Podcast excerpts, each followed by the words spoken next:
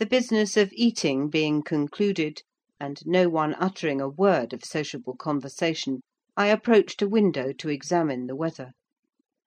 A sorrowful sight I saw: dark night coming down prematurely, and sky and hills mingled in one bitter whirl of wind and suffocating snow. "I don't think it possible for me to get home now without a guide," I could not help exclaiming. "The roads will be buried already, and if they were bare I could scarcely distinguish a foot in advance."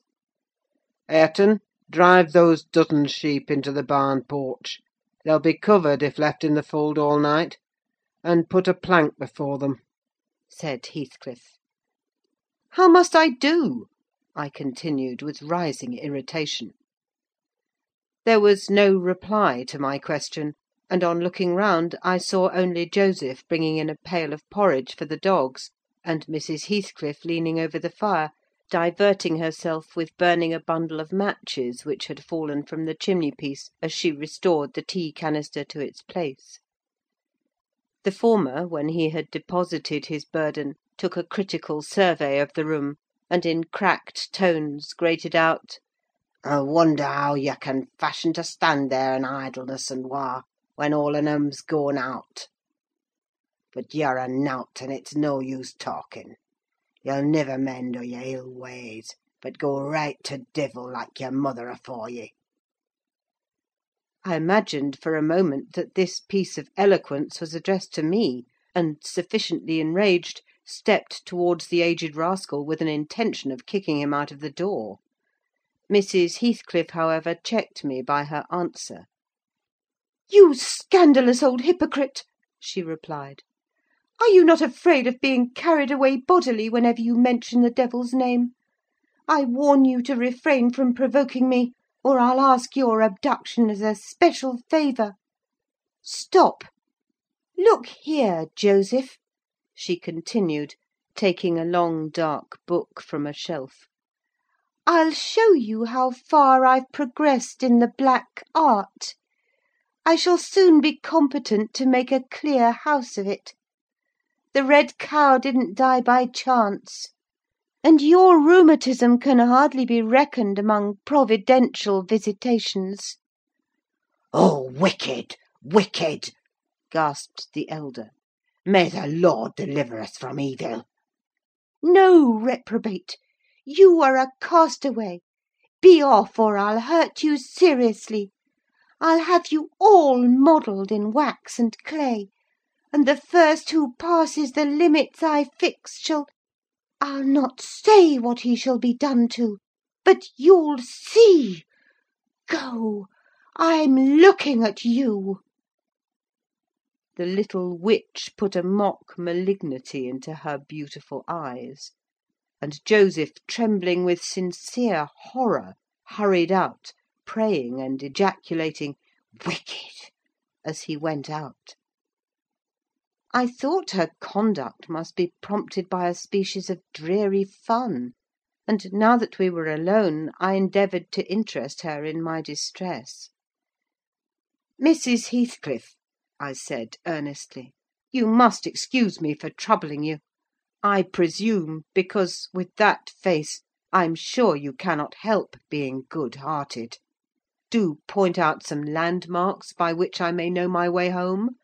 I have no more idea how to get there than you would have how to get to London."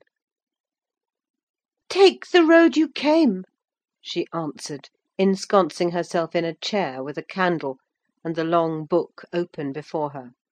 "It is brief advice, but as sound as I can give." "Then, if you hear of me being discovered dead in a bog or a pit full of snow, your conscience won't whisper that it is partly your fault?" "How so? I cannot escort you. They wouldn't let me go to the end of the garden wall." "You! I should be sorry to ask you to cross the threshold for my convenience on such a night," I cried. "I want you to tell me my way, not to show it; or else to persuade Mr. Heathcliff to give me a guide." "Who?" "There is himself, Earnshaw, Zillah, Joseph, and I. Which would you have?" "Are there no boys at the farm?" "No. Those are all." "Then it follows that I am compelled to stay."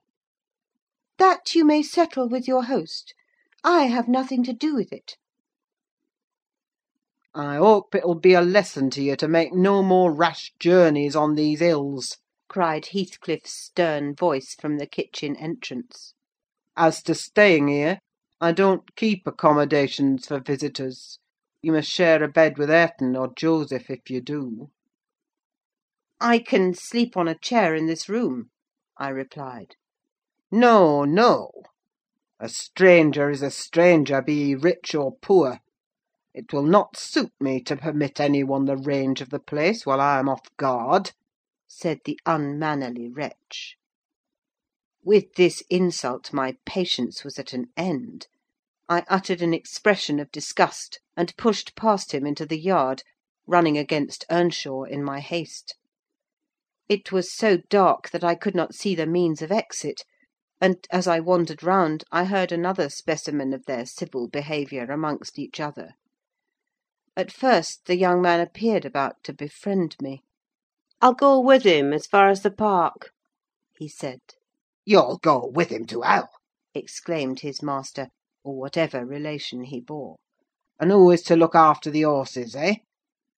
"A man's life is of more consequence than one evening's neglect of the horses. Somebody must go," murmured Mrs. Heathcliff, more kindly than I expected. "Not at your command," retorted Hareton. "If you set store on him, you'd better be quiet." "Then I hope his ghost will haunt you; and I hope Mr. Heathcliff will never get another tenant till the Grange is a ruin," she answered sharply. "Hearken, hearken, shoo's cursing on 'em!" muttered Joseph, towards whom I had been steering. He sat within earshot, milking the cows by the light of a lantern, which I seized unceremoniously, and calling out that I would send it back on the morrow, rushed to the nearest postern. "Eh, master! He's staling lantern!" shouted the ancient, pursuing my retreat. "Eh, Gnasher! Eh, dog! Eh, wolf, hold him! hold him!" On opening the little door, two hairy monsters flew at my throat, bearing me down, and extinguishing the light, while a mingled guffaw from Heathcliff and Hareton put the copestone on my rage and humiliation. Fortunately, the beasts seemed more bent on stretching their paws and yawning and flourishing their tails than devouring me alive; but they would suffer no resurrection, and I was forced to lie till their malignant masters pleased to deliver me. Then, hatless and trembling with wrath, I ordered the miscreants to let me out, on their peril to keep me one minute longer with several incoherent threats of retaliation, that, in their indefinite depth of virulency, smacked of King Lear. The vehemence of my agitation brought on a copious bleeding at the nose, and still Heathcliff laughed, and still I scolded.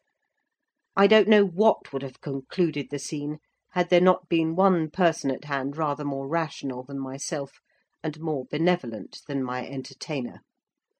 This was Zillah, the stout housewife, who at length issued forth to inquire into the nature of the uproar. She thought that some of them had been laying violent hands on me, and, not daring to attack her master, she turned her vocal artillery against the younger scoundrel. "Well, Mr. Earnshaw!"